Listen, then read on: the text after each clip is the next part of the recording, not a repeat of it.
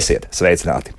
Nezinu, kuro reizi jau to saku, bet Covid-19 pandēmija ir pātrinājusi daudzus procesus, kas normāli būtu nepieciešami gadu desmit, lai kaut kas notiktu. Tagad tas notiek gada pusotra laikā.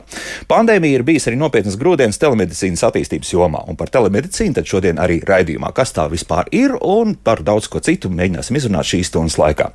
Mani šī brīža viesi, kas jau ir studijā, jo Netīšām uz ziemu uznākusi ir aprīlī, bet nu, tā tad dažreiz arī gadās. Stradiņas slimnīcas kardiologs Ainārs Udzītis, sveicināti! Labrīt! Un Rīgas Stradiņu Universitātes sabiedrības veselības un epidemioloģijas katedras docētāja doktoranta sabiedrības veselībā Mirdza Kursīta. Sveicināti! Labrīt! Nu, izstāstīsim, mums pēdējais raidījums par telemedicīnu. Es nevaru atcerēties, cik gadus, pirms cik gadiem tas bija, bet da, pirms daudziem gadiem. Kas ir telemedicīna? Kad sāks mirdz, varbūt. Jā, jūs tomēr esat pētījusi to visu. Jā, uh, jā uh, telemedicīna. Um, varbūt tas pirmais vārds tele automātiski asociējās ar televīziju, ar, mm. ar kādu ekrānu. Kamerām, nu, ar jā. kamerām, jā. Jā. jā. Tā var būt viena no versijām, ka tā ir video konsultācija, bet patiesībā tad, kad mēs runājam par telemedicīnu, mēs runājam plašāk par uh, dažādu formu attālinātām konsultācijām. Reizēm tās var būt arī telefona konsultācijas, tās var būt arī jā, tādas tiešsaistes video konsultācijas. Tas ir atkarīgs no konkrētās situācijas, bet centrālā doma ir tāda, ka pacientam un ārstam ir iespēja konsultēties, sadarboties, nenonākot vienā kabinetā, bet šos jautājumus risinot attālināti. Mm. Ir tā taisnība, ka pēdējie divi gadi ir bijuši tādi, ka telemedicīnas pakalpojums izmanto vairāk. Doktor, Jā, pilnīgi noteikti to izmanto vairāk, jo pieejamība pie ārsta un pie medicīnas pakalpojumiem tika stipri ierobežota, protams, ar Covid.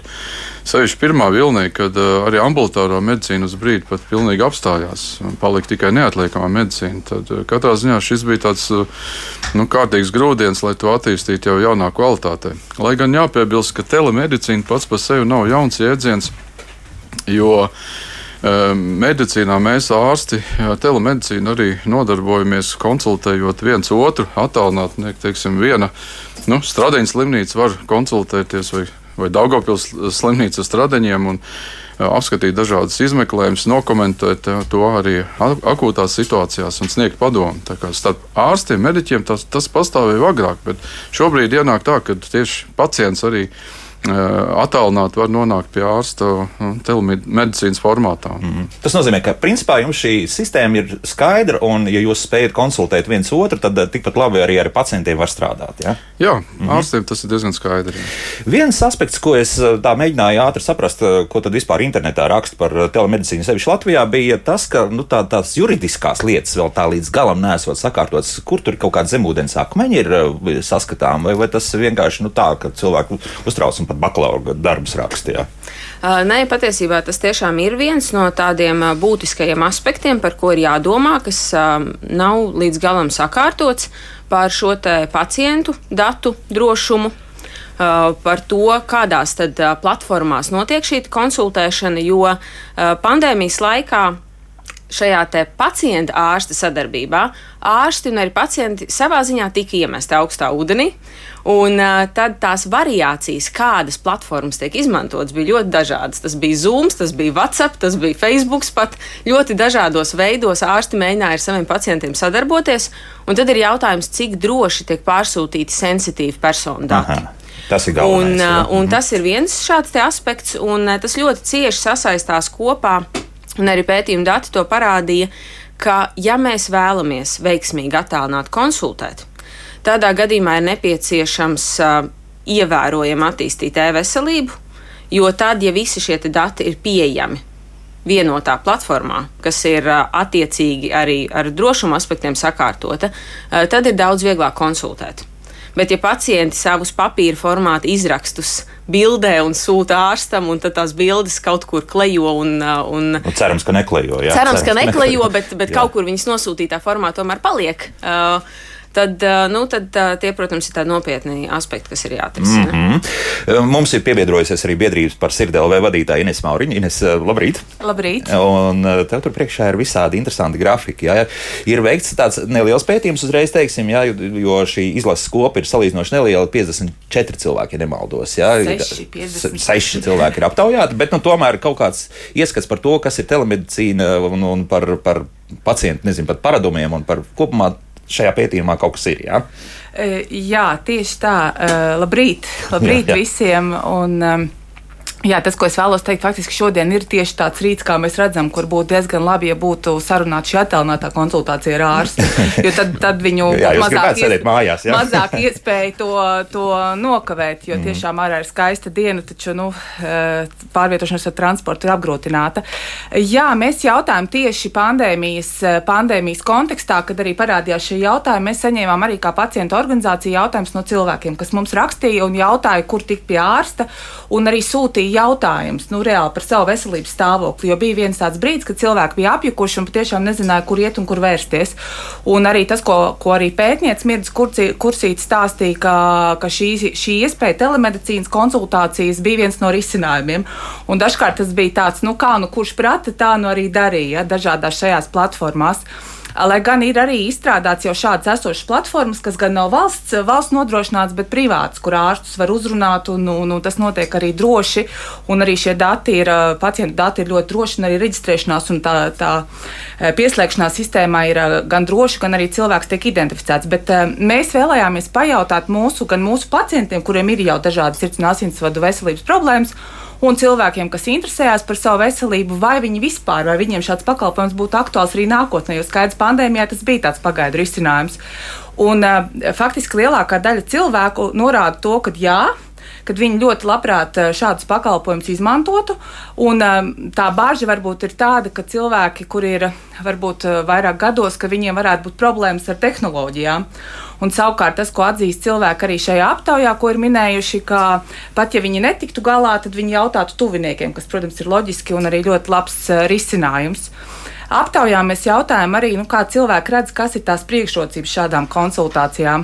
Nu, tad visbiežāk cilvēki minēja to, ka tā ir iespēja tikt ātrāk pie ārsta, jo nereti arī speciālisti, kas ir ļoti kvalificēti un pieredzējuši, eh, viņiem varbūt nav šīs konsultācijas pieejamas tuvākā laikā nu, teiksim, klātienē. Tet, jā. jā, bet jā. viņiem ir iespēja izbrīvot laiku, jo arī speciālists šajā laikā, kurā viņš sniedz šo konsultāciju, nu, faktiski, es pareizi saprotu, varbūt arī dr. Rudzīts var precizēt, var atrasties arī jebkur. Nu, tik daudz, ka cilvēkam ir jā. Protams, Kaut kur pie palmām, jā. jā. jāsakoncentrējās jāsaņem visa informācija un tam līdzīgi. Bet, nu, teiksim, tā ir tā iespēja arī tajā steigā, ka tev nav jāskrien no vienas slimnīcas uz otru mm. slimnīcu pāri visai pilsētai, bet, bet tu esi brīvs pieņemt šo cilvēku. Līdz ar to ātrāk tikt pie ārsta, eh, ietaupīts laiks un izdevumi, kas saistīti ar ceļu izdevumiem, mm -hmm. jo, piemēram, cilvēkiem no reģioniem, nu, tā, tā ir faktiski tā ir visa diena, lai atbrauktu, piemēram, no reģiona uz Rīgas uz konsultāciju pie ārsta, tā ir visa diena. Varbūt pat vairāk, jā, kas Protams, zina. ir gadījumi, kad cilvēkam ir ļoti svarīgi tieši būt klātienē un runāt ar ārstu, bet ir situācijas, kurās tomēr var apsvērt arī dažādas attālinātas konsultāciju iespējas. Mm -hmm. Jā, tad laiks, tas pirmkārt, vēl kādi ieguvumi, kas, kas varētu būt tādi, nu, teiksim, kas, kas ekonomē kaut ko. Nu, teiksim, kas, kas, kas vēl tāds uzreiz nāk prātā, kas pacientam bez, bez, bez šī laika ieguvuma, kas ir kas vēl tāds būtisks? Nu, es teiktu, pirmkārt, tas ir rindas, jo, lai pie, pierakstītos uz standarta vizīti, mēs zinām, ka ļoti daudz rindas, teiksim, pie manis kā speciālista, ir 3-4 mēneši. Bet savukārt, ja ir kaut kāda ātrāka problēma, kas jārisina, un kur nav tā, ka noteikti man tas pacients jāizklausa vai jāiztausta, ka pietiek aprunāties, viņu redzēt izmeklējumus, ja, tad var nozīmēt šo turpmāku izmeklēšanas ārstēšanas stratēģiju. Tātad, faktiski attālināt konsultāciju dažu dienu laikā var iegūt pacients. Tas mm -hmm. nav jāgaida mēnešiem. Runa par tām tehnoloģijām, to, ko Ines pieminēja. Vai tā ir problēma, sevišķi jau gados vecākiem, vai, vai tiešām pietiek pieņemsim ar telefonu zvanu? Dažreiz. Nevienmēr es tā domāju. Jā, jā tā ir problēma. Sevišķi pieslēgties caur datoru vecā gadagājuma cilvēkiem. Tas ir. Un plus attur arī šī varbūt reģistrēšanās bažas no, tām, no tā, kā pacients samaksās, kā to bankas karti pareizi tur ievadīt numuru. Un, nu, teiksim, video kameru dažreiz neizdodas ieslēgt uzreiz pacientam, bet, bet tas ir novēršams un ar pieredzi. Un šobrīd jau divu gadu mēs dzīvojam Zoomā lielā mērā vai Microsoft Teams. Arī jau dažādi pauģi pauģis cilvēks sāk pierast. Turklāt arī piederīgie bērni, mazbērni var palīdzēt. Un, godīgi sakot, tas jau kļūst ar vien labāk. Uh mhm. -huh. Pašos pirmsākumos bija problēma, jā, kādreiz tur nevar saslēgties, nevar ieslēgt mikrofonu. Tad sazvanījāmies ar pacientu, pārgājām uz telefonu sarunu, bet gal galā tikām galā. Tikāt galā. Jo tas ir atkal, mēs atgriežamies pie tā drošības jautājuma. Pieņemsim, nu, ja ir radi, tad ir labi, nu, mēs varam uzticēties saviem bērniem, mazbērniem. Nu, noteikti, ka tā, tā, tas līmenis ir viss kārtībā, bet pieņemsim, ja ir jāprasa vēl kaut kur tālāk, kādam, nezinu, kaimiņam vai vēl kaut kam palīdzību, nu, tad uh, tur varētu būt kaut kāds mirdzis, varētu būt problēma zināmā mērā. Jā, jā ar šo te tehnoloģisko aspektu viena lieta, protams, ir šī pacienta puse, iespēja pieslēgties. Un, un jā, jautājums ir, vai, vai ir šie tuvinieki, kam pavaicāt, vai ir vispār pieejamas tehnoloģijas, pat ar kāda atbalstu un palīdzību. Bet patiesībā šo te tehnoloģiju kontekstā ir arī otra puse, kas ir ārsta puse. Iespējams, tas Arī mūsu pētījumā tas mazāk iezīmējās, runājot ar ārstiem speciālistiem, bet arī ģimenes ārsti minēja, ka ne visiem viņiem kabinets ir piemērots attālinātai konsultēšanai. Jā, viņiem ir dators, kurā viņi ievada sistēmā receptes vai, vai kaut kādas slimības lapas, bet viņiem pašiem nav šīs webkameras, lai, lai sazinātos ar, ar teiksim, video konsultācijā ar pacientu. Un, līdz ar to tas prasa pielāgošanos arī no šīm ārsta praksēm. Tas, protams, ir izdarāms. It īpaši, ja būtu skaidrs, ka šis ir tāds paliekošs konsultācijas formāts. Paliekošs tomēr ir bažas, ka varētu kaut kas mainīties un ka tas kaut kādā veidā atmirst tomēr pēc kaut kāda laika. Kaut gan viss jau mums liekas, ka mēs to e-lietām vairāk ejam. Ja? Es esmu pārliecināts, ka mēs tikai un vienīgi iesim uz priekšu, un šī telemedicīna attīstīsies pilnīgi noteikti. Un pacienti, kad sapratīs šos iegūmus, viņi noteikti ar vien vairāk dalīsies viens ar otru informāciju. Un, un, un tad, tad popularitāte pieaugs šīm konsultācijām. Tāpat, ka tas ir ārzemēs arī tas ir diezgan populāri. Mm -hmm. nu, bet viņiem ir krietni ilgāk, jo es atradu 2012. gada rakstu, kur nu, tiek aprakstīts visas tās lietas, nu, kas varētu būt uh, aktuāls pēc gadiem, astoņiem, deviņiem. Nu, tā tur apmēram viņi tā prognozē. Principā telemedicīna sāk strādāt ātrāk nekā nu, tas nozīmē pirms diviem gadiem. Ja? Nu, tā ir. Ja? Patiesībā jā. pasaulē telemedicīna ir ļoti, ļoti attīstīta un cilvēkiem tā jau ir tāda ikdienas rutīna aiziet pie ārsta caur datoru vai televizoru vai telefonu vai jebkuro, jebkuros no šiem veidiem. Īpaši, teiksim, tur ir pirmnieces Izraēla, Skandināvijas valsts un tam līdzīgs. Latvijā, godīgi sakot, mēs esam nu, drusku.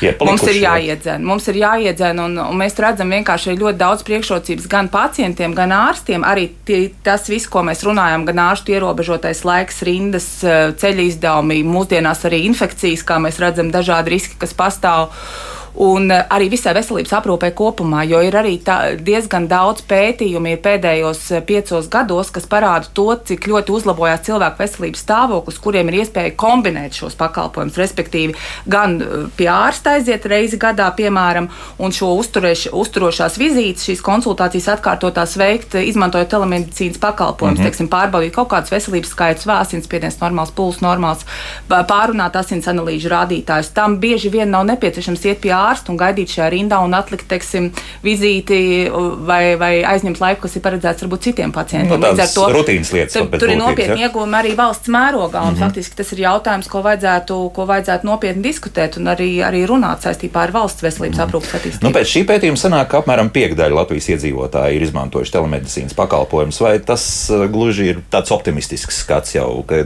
tomēr ir mazāk? Kā tur ir?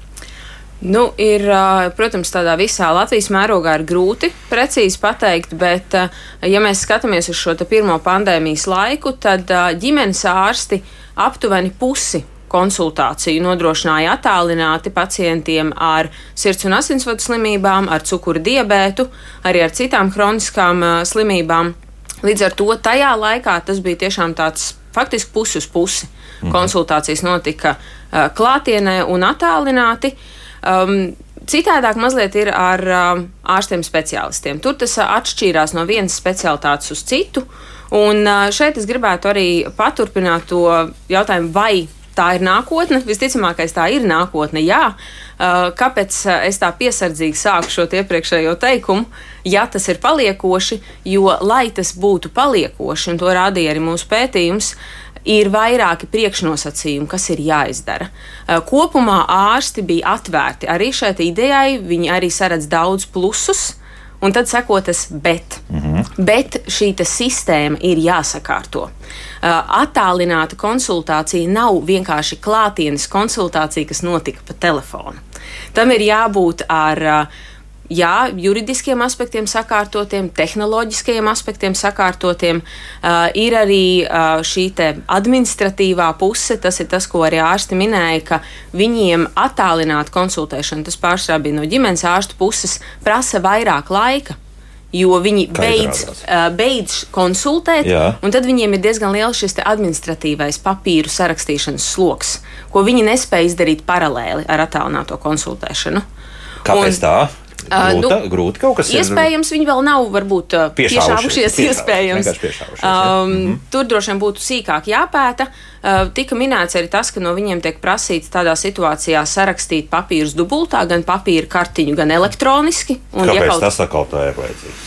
Nu, Tā ir dziļa nopūta. Jā, jā, jo tas jā. pēc ministra kabinetes noteikumiem. Jā, teiksim, arī man, jā. man vajadzēja sarakstīt teiksim, elektroniski, pacients to saņem e-pastā, bet uh, man pašam jāizpilda, jāizdrukā un jāieliek arī pacienta drukātā kartiņā, jo tādi tie noteikumi. Bet tas, jāsaka, šobrīd arī mainās un ir viena no platformām, kur es arī konsultēju kur eh, šis elektroniskais eh, slēdziens jau iegūst arī tādu likumīgu spēku un digitāli tiek saglabāts un atbilst vis, visiem šo, šobrīd ministra kabineta noteikumiem. Mm -hmm. Tā, tā, tā, tā elektroniskā, elektroniskais arhīvs tiek eh, veidots, tiek saglabāts un nepazūd. Ja, teiksim, tas, tas pacients jebkurā laikā viņu var arī uzrādīt arī ģimenes ārstam, izdrukāt un arī es pacienta profilā ieejot, joprojām visas manas konsultācijas saglabājas. Mm. Nu, tad kopā tas ir sajūgts ar e-veselību, ja? vai, vai nav? Kā tur ir? Ir vai nav? Tieši ar e-veselību nav, jo tas nav valsts sniegts pakalpojums. Jā, tas, tas gan jā, tāpēc jā. es arī prasu, jā, vai jā. vēl pagaidām nē, jā, jo, jo atkal atsaucoties uz to vienu rakstu par 2000, no 2012. gada, tur ir jā, jāstrādā ir paralēli, jā, jāiet kopā ar e-veselības attīstību, un tad tas viss labi strādās. Nu, te mums ir nu, zināmas problēmas. Tā, tā ir tā problēma, ka mm -hmm. uh, e, teiksim, attālinātās konsultācijas e, iespējams labāk strādā jā, šajās ārpus valsts sektora platformās. Tās ir diezgan labi sakārtotas un funkcionējošas. Un tiklīdz mēs to visu gribam ielikt tajā kopējā uh, valsts apmaksāto pakalpojumu.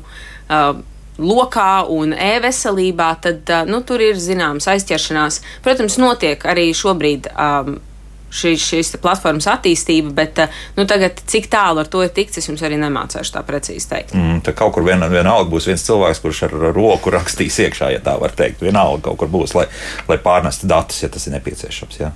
uz, uz e-veselības platformu. Tā būs. Ja? Nu, tā sanāk, jā. tā sanāk, diemžēl. Ja. Tā, kur ir tā robeža, kur tomēr mēs varam šādi strādāt, un, un tad vienā brīdī tomēr būs jānāk?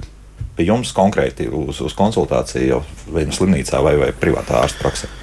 Jā, pilnīgi noteikti, ka eh, attālinātās konsultācijas neaizvieto un neaizvietos pilnībā tieši kontaktu ar pacientu, ja, bet eh, ļoti lielā mērā atvieglos šo komunikāciju ar ārstu un pacientu. Un noteikti akūtas saslimšanas, kuras prasa varbūt stacionēšanu, neatliekam stāvokli, kur nav jāizmanto nekāda telemedicīna, bet jāzvana 113 neatliekamai medicīnas palīdzībai.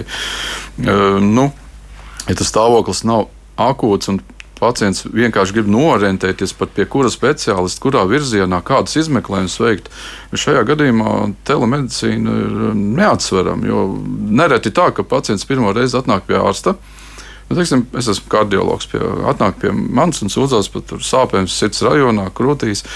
Bet sāpes nav tā, ka pārliecinoši varētu pateikt, ka tā ir sirds vaina. Un es nozīmēju veselu virkni izmeklējumus. Pacients iet ar tādiem kā mājas darbiem, sāk plānot šos izmeklējumus un atgriežas pie manis atkal. Bet patiesībā pat nu, teiksim, attālināta video zvanu un, un, un, un, un teiksim, šo tele attālināto konsultāciju, es jau varu norientēties, varu nozīmēt izmeklējumus Un varbūt tad nozīmē arī šo klātienes konsultāciju pēc tam. Mēs varam arī kombinēt, ja, respektīvi šo hibrīdu formātu arī izmantot.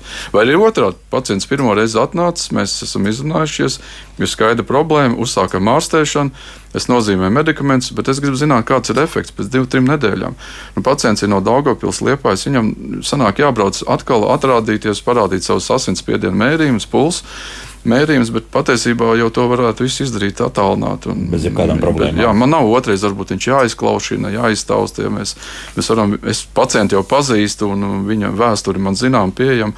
Mēs varam norientēties, kādas medikamentus pamainīt, kādas devas, ja varbūt uz ko citu pāriet. Tamdēļ nav jābrauc uz Rīgu. Mm -hmm. Kas notiek ar, ar tiem pašiem digitālajiem pulksteņiem, oksimetriem un, un dažādām citām lietām? Šo kaut kā var sajaukt, vai tas tomēr ir pacientu vairāk vai mazāk būs atbildība par to, ka šajā, šādi dati, kas nu, nāk arī no šīm visām dažādām viedierīcēm, nonāks pie jums, vai, vai tur jau kaut kādas ir, nezinu, tehnoloģiskās iespējas, ka tas automātiski kaut kādā veidā jau pie jums varētu, varētu nonākt, es tā teikšu.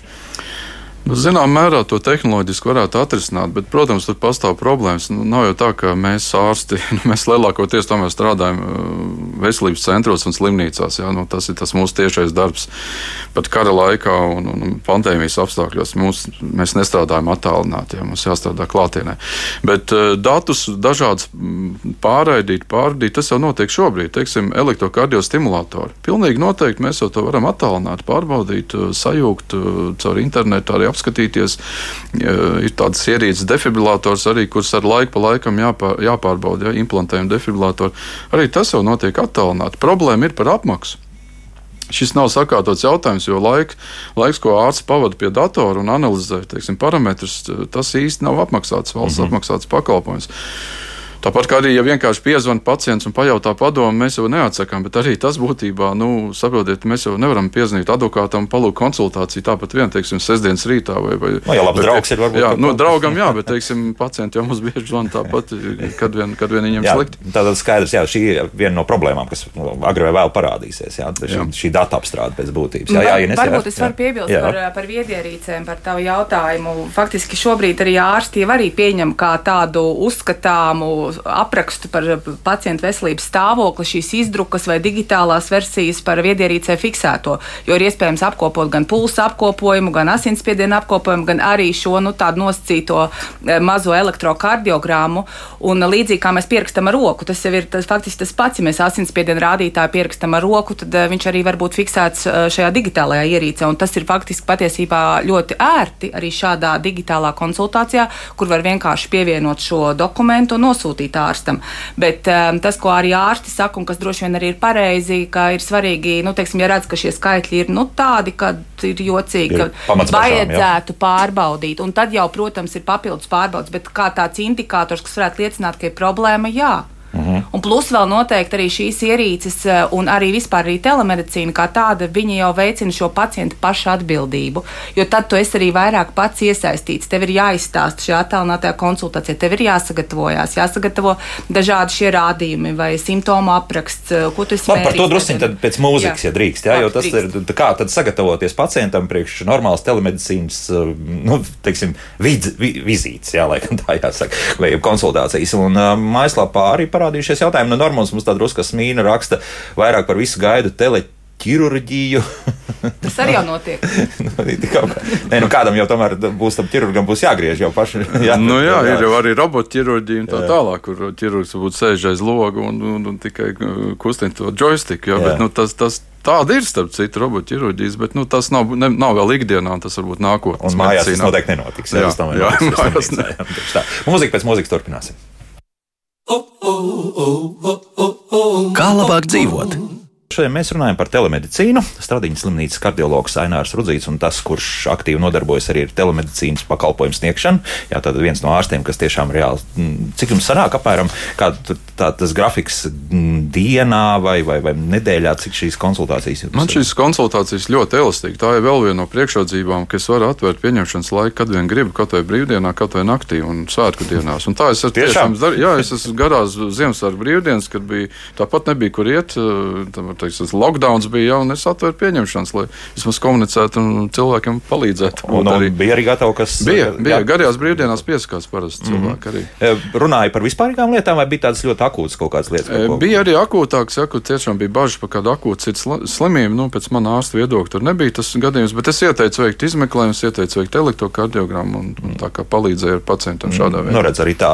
Rīgas Stradiņu universitātes sabiedrības veselības un epidemioloģijas katras docētāja doktorāta sabiedrības veselībā Mirds Kursīte un biedrības par sirdi LV vadītāja Inês Mauriņa arī šeit studijā. Nu, paklausīsimies vienu klausītāju, kas mums ir piezvanījis. Ko vēlas mums jautāt, lūdzu? Labrīt! Labrīt. Ziniet, man ir tas jautājums, varbūt drusku ne, ne tieši nav nekā pretenzija pret jums un pret tēmu, un tēma ir brīnišķīga un laba un, un, un tālējoša. Pirmkārt jau tas, ka drusciņi tas viss tiek taisīts par ātri, jo vēl vajadzētu ļaut vienai paudzei, var teikt, daļai paudzi aiziet aizsaulē. Jo šā, kādā sakarībā, tādā sakarībā, kā es esmu pilnīgi tagad neziņā, ko nozīmē data aizsardzība.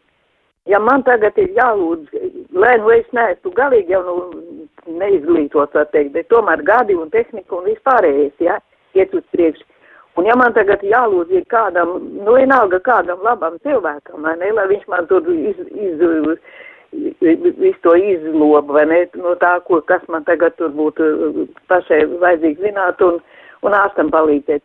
Nu, tad, kur tad ir tā darba, da, da, tā, data aizsardzība? Mm -hmm. Man liekas, ka tas Labi. ir pilnīgi paralēli tādas lietas, kas, kas šodien neiet kopā. Neiet kopā. Labi, vai nu jā, jā. Tā data aizsardzība. Vai, nu kaut kas cits jādara, jā? jā? Mm -hmm. Labi, vai... jā. Nu, mēs jau principā par to runājām. Ja? Nu, ka, ka tur zināmas bažas, protams, ir ja? tas, ka, ka tā dati varē, varētu noplūst.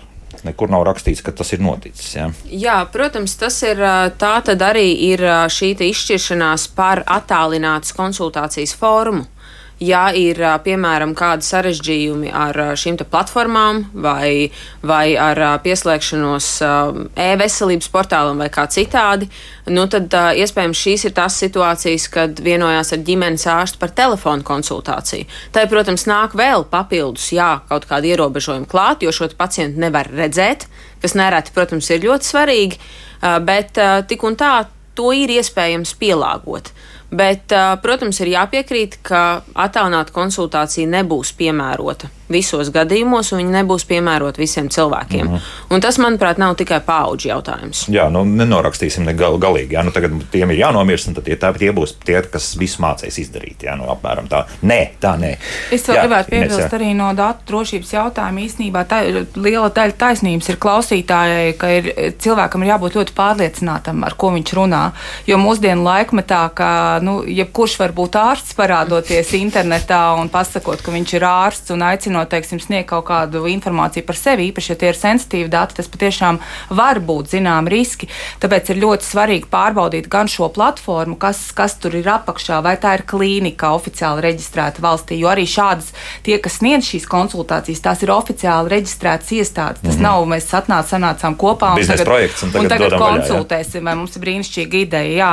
vai tā ir valsts ārstniecības iestāde, vai tā ir privāta reģistrēta ārstniecības iestāde, kas ir šis ārsts un tam līdzīgi. Un tad arī pārliecināt pārliecināties, un, un pacienta tiesības vienmēr ir uzdot šos papildus jautājumus. Daudz, cik jūs gribat, tās ir jūsu tiesības dzirdēt uz viņiem atbildes, pirms jūs pieņemat lēmumu, dalīties ar saviem datiem. Un tad līdzīgi kā bankai, jo bankā jau mēs arī vairākas kārtas, lai mēs eh, identificētu sevi vai e-parakstam un tam līdzīgi. Un līdzīgi ir arī ar šīm sistēmām. Viņām vajadzētu būt līdzīgā veidā jāstrādā. Mm -hmm. Tā, kā risina šajā gadījumā uzņēmēji ja, šo lietu? Jā, jo jāsaprot, jā, ka telemedicīna tas ir komerciāls pasākums, un kā viņi ir to atrisinājuši, lai, lai zinātu, ka, ka konkrētās uh, konsultācijas tiešām notiek arī reālu ārstu, un plus vēl tam visam, lai tur būtu droši. Nē, nu, pilnīgi noteikti šīs platformas ir certificētas un, un validētas, un viņas, viņas atbilst visiem likumdo, visām likumdošanas un drošības prasībām.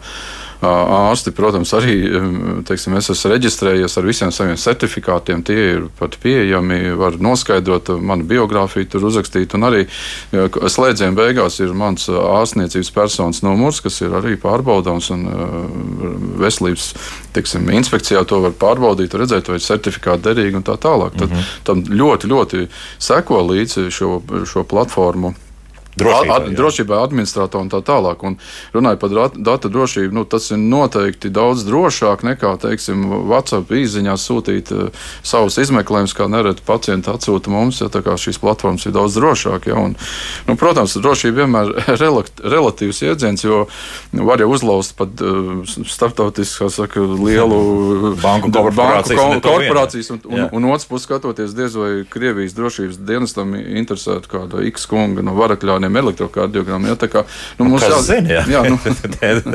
es tev nesasīju ne pieci. Jā, jā, jā bet, bet jā, jā, doma saprotam. Bet drošība noteikti sekotam ļoti rūpīgi. Jā. Tas... Mums zvana daudz, zvana daudz. Šodien ir vairāk zvanu nekā šobrīd ir mājaslapā jautājumi, bet varbūt tas ir labi. Lūdzu, jūs varat jautāt. Halo! Halo. Jā, lūdzu. Sakiet, lūdzu, man ir ievietots elektrostimulators Un vai tādā gadījumā var izdarīt uh, apstrādi ar ultraskaņu, veikt procedūras ar ultraskaņu un augstfrekvences strāvām kājai? Labi, jā, paldies. Nu, nav šīs dienas mūsu jautājums, bet tā kā mūsu kardiologs tomēr stunda šeit studijā ir. Tad, jā, noteikti. Uh, ultraskaņa nekaitēs uh, implantējumam defibrilatoram, arī elektrokardiostimulatoram var veikt izmeklējumu droši. Ja? Mm -hmm. Pat mūsdienu aparāti jaunākās paudzes ir tik droši, ka viņiem jābūt certifikātam, bet viņas pat magnētiskā rezonansē var šos pacientus izmeklēt. Bet, nu, tas, protams, tiek saskaņots. Bet ultraskaņa pilnīgi noteikti var. Un neatstāja iespēju. Un neatstāja iespēju, jā, droši, tas ir jā. droši. Mm -hmm. Lūdzu, jūs varat jautāt? Halo! Lūdzu. Nu tā, nu nerunā, diemžēl. Ines, tagad par tiem noteikumiem, kas eh, ir atrodami arī par sirdi.lv mājaslapā. Nevis noteikumiem, bet drīzāk ieteikumiem, kā sagatavoties eh, telemedicīnas vizītē. Ja? Jā, nu mēs esam mēģinājuši, kā pacientu organizācija, apkopot eh, tos ieteikumus gan no ārstiem, gan no pētniekiem, ņemot vērā pieredzi un datus, kas ir arī iegūti Latvijā, un saprotot gan tās problēmas, gan iespējas, ko sniedz šīs konsultācijas, un arī paskatoties, kā tas notiek pasaulē, kur, kur mēs esam, eh, nu, kā, kur ir jau drusku solīt priekšā. Eh, esam apkopojuši tādus ieteikumus un jautājumus, kurus vajadzētu katram pacientam apdomāt pirms arī pieteikties šai konsultācijai un lai sagatavotos šai konsultācijai. Jo tas ir ir pirmām kārtām saistīts gan ar tehnoloģijām, jo pirmais, kas ir jāsaprot, ir, ir vai, vai mums tas ir pieejams. Un, nu, patiesībā jau tas nav tik sarežģīti, bet kā jau mēs runājam, varbūt cilvēkiem, kuri nav ikdienā pieredzējuši darbā ar datoru vai neizmanto mobilo tālruni interneta vajadzībām, tas var, var būt zināms šķēršļi. Tāpēc mēs aicinātu arī iespēju robežās um, palūgt vai kādam tuviniekam vai vai tam līdzīgi, lai varētu sazināties. Respektīvi, pārbaudīt, vai mums ir šīs tehnoloģijas, vai mums ir internets, vai mums ir pieslēgums, arī vieta, kur mēs atrodamies. Jo, ja tā ir video konsultācija, tad eh, šis kontakts ar ārstu ir ārkārtīgi svarīgs, lai ārsts arī jūs redz, lai jūs varat normāli sarunāties gluži kā, kā parastā vizītē. Tad ir jautājumi, kas ir saistīti ar, ar pašu simptomātiku un diagnozi, jo tajā brīdī, kad jūs jau ārsts jau ar jums runā, viņam jau būtu labi zināt to arī, ko doktors Rudzīts stāstīja jau iepriekš, un arī to, ko arī pētniece stāstīja, kā, kā ārsts sagatavojas jau iepriekš. Viņam ir jāredz šie izmeklējumi, kurus var nosūtīt arī ērti, teiksim, nu, kaut, vai, kaut vai nofotografēt, ja to var kvalitatīvi izdarīt un aizsūtīt vai elektroniski nosēvojot. Eh, un, un viss šī informācija, lai viņam ir pieejama arī apraksts, teiksim, ja mums ir augsts asinsspiediens, tad uh, cilvēkam būtu labi pie tam nevis pamērīt tajā rītā vai iepriekšējā dienā, bet nedēļu iepriekš un šos rādījumus nosūtīt nedēļas, teiksim, garumā, no rīta vakarā, un tad ar ārstu to varēs apspriest. Uh, tad vēl būtiski lietas piemēram, ar medikamentiem, ko mēs lietojam ieročiem vai citām medicīnas ierīcēm. Bet faktiski šie ieteikumi der arī tādām nu, tradicionālajām konsultācijām. Jo atnākot uz konsultāciju, ārsts jums prasīs, kādas zāles jūs lietojat. Mm -hmm. Daļu var redzēt, bet daļu iespējams nezinu. Vai kādus jūs lietojat uzturbagātinātājus, piemēram, to mēs neredzam. Tas viss ir jāskatās kopā. Bet to var uzrakstīt arī uz lapiņas. Ja vislabāk, jautās, tad, tad vislabāk ja? šo mājas darbu ir izpildīt laicīgi, jo mm -hmm. tādā veidā jūs arī ietaupīsiet laiku, un ārsts būs jau sagatavots un varēs dot jums daudz vērtīgāku padomu. Un nebaidīties uzdot jautājumus, precizēt un arī par šo privātumu. Ja ir jautājumi, par kuriem jūs negribat runāt, jūs to varat norādīt, jo tomēr šī konsultācija ir drusku savādāk nekā, ja tā ir klātienes mm -hmm. konsultācija. Telefons vai tomēr ir obligāti dators ir vajadzīgs? Var, var, var telefonā, var telefonā ja? bet, protams, mēs gribētu tomēr arī šo vizuālu kontaktu. Tas nav vienkārši vi, eh, zvans, bet tas ir video zvans vai arī datorā pieslēgšanās ar platformu, kur uh, pacients redz ārstu un ārsts pacientu. Nu, tas tomēr rosina tādu arī tādu. Nu, saka, atklātību, un, un tas nav vienkārši balss kontakts, bet mēs redzam pacientu, mēs arī varam novērtēt. Dažreiz pat nu, pacients pat var parādīt kamerā kaut kādu ķermeņa daļu vai teiksim, tūs, kas uz kājām, vai, vai mēs redzam, kā pacients vai nav piepampis vai kādas uh, ādas krāsas, tas ārstam arī svarīgi. Tas nozīmē, ka mēs atgriežoties pie digitālām kamerām, tad šīs kameras principā vajadzētu būt labas. Un pieņemsim, ja tev ir tikai laptop kamera, nu tāds laptops, kurš nemaksā vairāk par kaut kādiem 500 eiro, nu šī kamera varētu arī nederēt. Der, der. der to, lielākoties dara, dara jebkuru telefonu, vietālrunis un uh, jebkurš dators, ar kuru jūs sazināties ar Skype vai ar saviem radiniekiem. Tas arī dara pilnīgi mm -hmm. noteikti. Tur nevajag nekāda superkamerai būt. Ne. Bet, bet uh, pieslēgumam tiešām jābūt salīdzinoši labam, jā, stabilam, lai, lai tur nebūtu graudājuma tā bilde. Jā, pieslēgumam labam un, un internetu pārklājumam labam vai savienojumam jāsaka Latvijai diezgan labs internets salīdzinot pat daudzām rietumu valstīm. Tā kā šeit nevajadzētu. Parasti arī nav bijušas problēmas arī tādas. Jā Un mm -hmm. Gadās, ka pārtrūks signāls, bet var atkal savienoties, var pagaidīt. Mēs nekur nepazūdam. Turklāt, tiešām, ko teica Ines, ir ļoti svarīgi, ka pacients jau sagatavojās. Viņš augšu pielādēja, varbūt var kādu izmeklējumu vai, vai, vai kaut kādu aprakstošu nedaudz par savām sūdzībām. Un es kā ārsts vienmēr gatavojos. Nav tā, ka es tikai pieslēdzos un tagad sāku runāt. Es vienmēr, ja man laiks, parasti man ir laiks, es iepazīstos ar šo konsultāciju, jau laicīgi man atnāk īziņa. Es to neuzzinu 5 minūtes pirms konsultācijas. To uzzinu jau uh, tik līdz pacients ir reģistrējies. Un tad man nāk atgādinājuma īziņas, man nāk pat ēpas. Es nekur nevaru aizbēgt, teikt, un pazust un aizmirst. Man tas tiek atgādināts nemitīgi. Man es tiešām sagatavojos, izlasu, ja, un man ir pat cik pacienti, nu, teiksim, personas kods, man ārsta tiesības arī iepazīties ar izmeklējumiem datamedu portālā, kur man pieeja. Un varbūt pacients pat nezina, ka viņš izmeklēts ar tādu, tādu metodu metode, es to varu ap, apskatīties, iepazīties, un to atļauj likumdošana. Mm -hmm. Tā tad uh, ideālā variantā laptops vai nu galda dators, kuram, protams, ir mikrofons, kuram ir kamera vēl pielikt klāt. Jā. Jā, nu, tas, tas ir tas. Tas būtu ka... ideāli, jo telefons un uh, pārāk maz varbūt šis attēls būs, un daudz ērtāk, protams, tas ir dators. Jā. Un, un es gribu vēl pateikt, lai pacienti, kas ir gados, nebaidās. Ja, man, mans princips tāds, ja pacients var uzrakstīt e-pastu, Un, ja pacients var atvērt savu internet, internetu banku, pilnīgi noteikti šis, pats, šis cilvēks var arī uh, veikt attālinātu vizīti pie ārsta. Mm -hmm. Par attālinātiem reģioniem. Vienmēr tas ieteikums ir nu, situācijās, kad vajadzīgas kaut kādas attālinātas konsultācijas, ir bibliotekas un tā tālāk. Nu, tā ir tomēr publiska telpa, vai ne? Ir, tur nederēs laikam. Jā? Nu, jā, tas, protams, ir. Uh, nu, tāds, es teiktu, ļoti nevēlams variants, jo, jo tas nozīmē, ka apkārt esošie cilvēki var dzirdēt, kas notiek privātā konsultācijā, kurai bet mēs esam. Sauss, pieņemsim, nu, kā man, jā, bet, jā, nu, tur... bet, bet jebkurā gadījumā tas, ko teiks pacients. Ta, to, to jau to varēs dzird, dzirdēt. Jā, to jā. varēs dzirdēt. Un uh, viens ir risks šī datu noplūde, protams, ka dzirdēs kāds, kam, kam to nevajadzētu, nevajadzētu dzirdēt. dzirdēt bet otrs, otrs risks tajā ir arī, ka iespējams pacients. Baidoties no tā, ka kāds dzird, nesniegs pilnīgu informāciju, un ārstam radīsies nepareizs priekšstats par situāciju. Līdz ar to tur ir ļoti daudz riski un tāda publiska. Mm. Tas būtu arī tāpat kā Stradiņas slimnīcas foijē vai pie garderobas konsultēt. Jā, nu, tā, tā arī nevajadzētu darīt. Nestrādā, jā, līdz ar nu, to nē. Labi, jā. Tad, principā, vajadzētu būt tādai telpai, kur pat ja tā ir kaut kāda, nu, kaut kā tāpat biblioteka, bet ja šis dators ir nolikts kaut kur atsevišķi telpā, kur ir pietiekami laba skaņas izolācija no ārpuses, nu, tad vēl varētu mēģināt kaut ko tādu. Ja? Nu, paklausīsimies vēl kādu klausītāju. Lūdzu, jūs varat jautāt?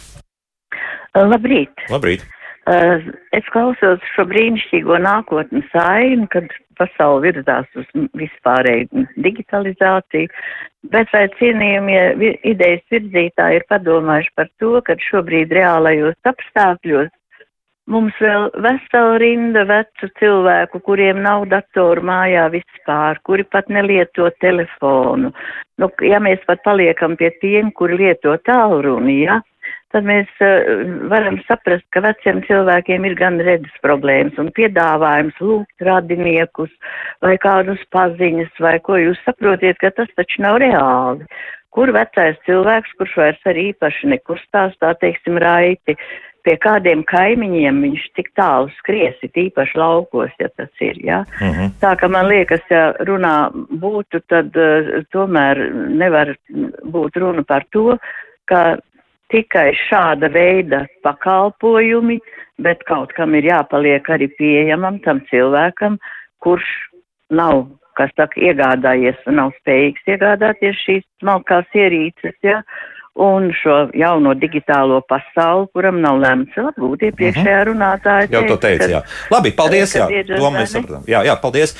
Nu, jā, Bet neviens jau ne, nesaka, ka parastās konsultācijas kaut kur pazudīs. Pilnīgi jā, noteikti. Jā, nomierināt kundzi un jā. pārējos, uh, varbūt seniors. Noteikti mēs neejam uz to, lai aizvietotu.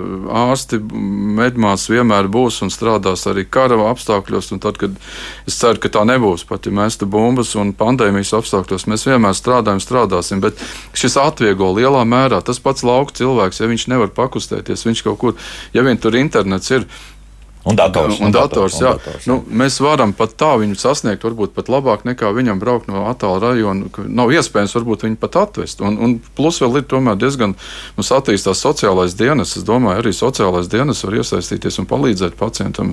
Nu, Būs droši vien, nonākt kā šajā tur, kā tur būs ar to. Nu, tas ir pacienta atļauja un viņa Jā. klātbūtnē. Nu, teiksim, viņš var palīdzēt saslēgt šo, šo ierīci, teiksim, attālināt, Mhm. pieslēgties konsultācijām. Bet, principā, vispār parādās, ka sevišķi jau reģionos tiešām ir vajadzīgs kaut kur, uh, ja tā būtu kaut kāda pagasta mm, ēka kaut kur, jā, kur, kur atrodas vietējie pārvaldi, pārvaldītāji, tad uh, nu, tur varētu būt viena konkrēta telpa, kur tu vari risināt arī attālinātas konsultācijas ar tiem pašiem notāriem, šajā gadījumā arī telemedicīnu un daudz citas lietas. Droša vieta. Nu, Teiksim, jā. Es domāju, ka tas lieliski papildina arī to, ko pētniece teica, ka ir svarīgi domāt līdzās arī par šo infrastruktūru. Ir jādomā par citiem veidiem, vai teiksim, tāda telpa vai kabinets veselības, kabi, veselības kabinets Ne, attālinātām tur daudzām funkcijām, Nu, tur jā, piemēram. valsts ieņem dienestu kaut kā tu vari Un, un, aprunāties. jā, jā. nu, nu, tas, ko arī kundze teica, protams, protams, nav runa par to, kā aizstāt pakalpojumus, bet dot vēl vienu iespēju tiem cilvēkiem, kam tas varētu, varētu būt kā papildinājums. Jo tas, ko mums aptaujā norādīja cilvēki, to labprāt izmanto cilvēki, kuriem ir invaliditāte, varbūt kaut kāda kustības traucējuma un kas nevar tik,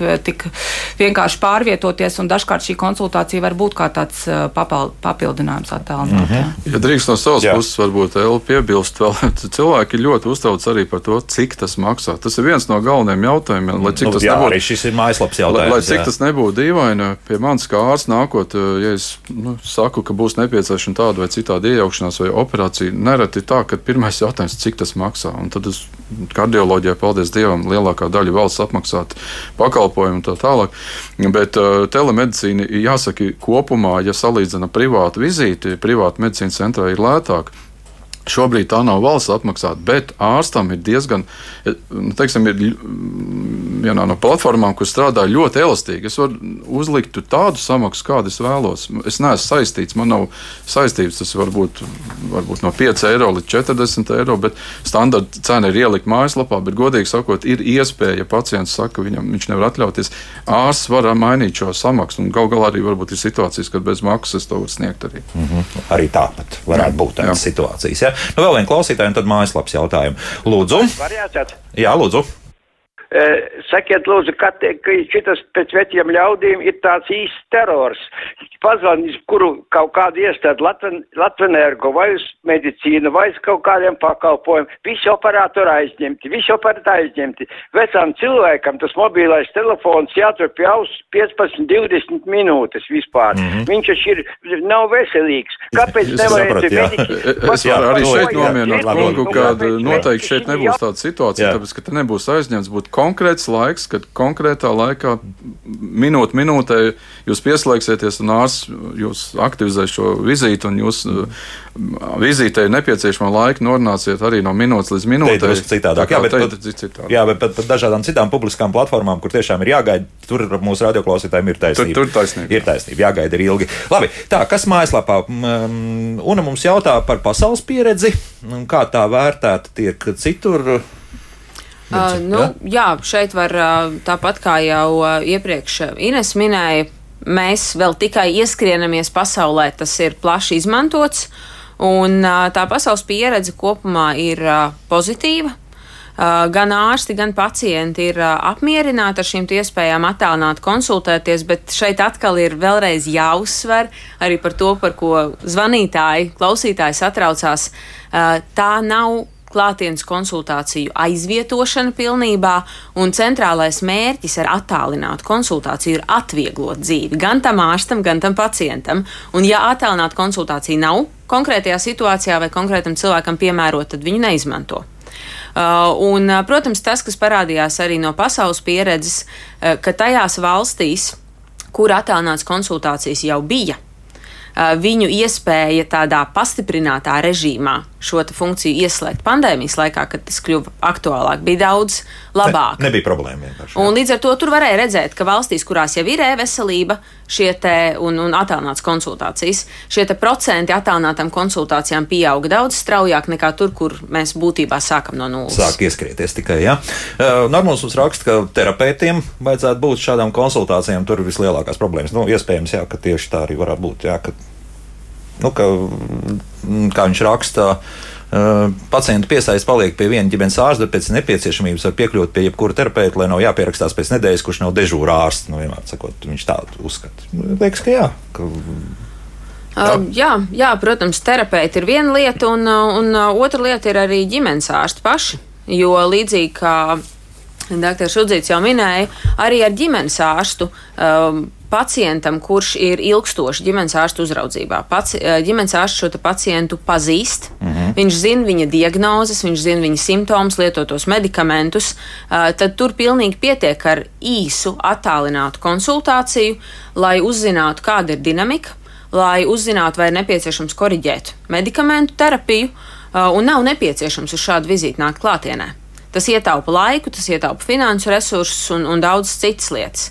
Eh, tajā pašā laikā man ļoti gribētos uzsvērt arī to, ko Ines iepriekš teica. Tas prasa lielāku pacientu atbildību, labāku pacientu veselību, pratību, spēju pašam novērtēt savus simptomus. Aha, nu jā, un tā jā, ir jā. milzīga atbildība, un par to ir arī jādomā, eh, kā tad mēs eh, uzlabojam šo veselību pratības līmeni cilvēkiem. Kā, kas, tad, kas tad notiek, kā mēs parūpējamies par to, vai viņi māca pareizi savus simptomus noraksturot vai nemāca pareizi. Mm.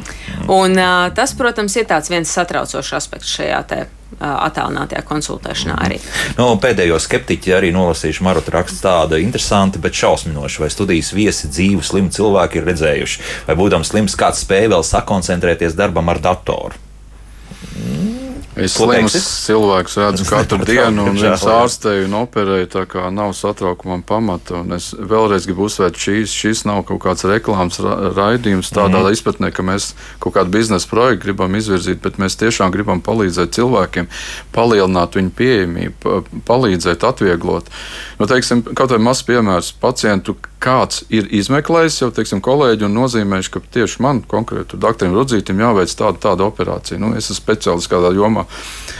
Tagad tas pacients 3-4 mēnešus gaida vizīti pie manis, lai es viņu ieliktu rindā bet pietiktu, ka viņš attālināti, varbūt jau pēc dažām dienām mēs sastopamies uh, internetu vidē, es apstos izmeklējumus, izrunājumu, un es viņu ieplānoju uz operāciju. Viņam nav obligāti jābrauc tagad tikai, nu, lai atrādītu savus papīrus. Elementārs labs piemērs, jā. Jā, kā, tas, kā tas kopumā strādā. Uh, bet ir, kam patika, Dana raksta, paldies par raidījumu, priecājos par šo iespēju attālināt, apmeklēt ārstu, noteikti to kaut kad izmantošu. Un arī pēc šī pētījuma sanāk, ka 75% no aptaujātajiem bija gatavi iesaistīties. Jā, tad, tad, ja gadījumā kas, tad, tad viņi to atzina par labu esam. Ja? Uh, jā, jā. jā nu to arī rādīja pieredze. Ir situācijas, kur nav variantu, un kur cilvēki ir gatavi izmantot, un ir situācijas, kur tā ir iespēja, vēl viena iespēja papildus konsultēties ar ārstu. Tas, ko es vēlos piebilst no savas puses, situācijās, kas ir kritisks, kā infarkts vai insults, noteikti jāsauc ir neatliekama medicīniskā palīdzība un ir nepieciešama visi papildus izmeklējumi. Un, papildus informācijas aicināt meklēt www.sirdi.lv. Tieši tā. Savukārt mums arī jautā, kā šīs platformas atrast. No nu, arī internetu meklētājā lieciet iekšā un atradīsiet. Ja? Cik mums ir? Divas ir vai vairāk ir? Cik, cik? Nu, es strādāju vismaz divās. Vismaz ir. divās, vismaz, jā, tā kā vismaz divas ir. Tātad alternatīvas arī pastāv. Nav tā, ka tas kaut kāds monopols var būt. Jā. Varbūt es nezinu par citām, bet es zinu divas. Jā. Vismaz divas ir stabili. Jā. Teikšu paldies šodien Stradiņa slimnīcas kardiologam Aināram Rudzītim, Rīgas Stradiņa Universitātes sabiedrības veselības un epidemioloģijas katedras docētāja doktorantē sabiedrības veselībai Mirdzai Kursītē Rītai un arī nokārtot doktora grādu. Ja? Un biedrības par sirdi DLV vadītāja Inesē Mauriņai par sarunu. Paldies! Paldies. Nu, tā, Paldies. līdz rītam! Atā.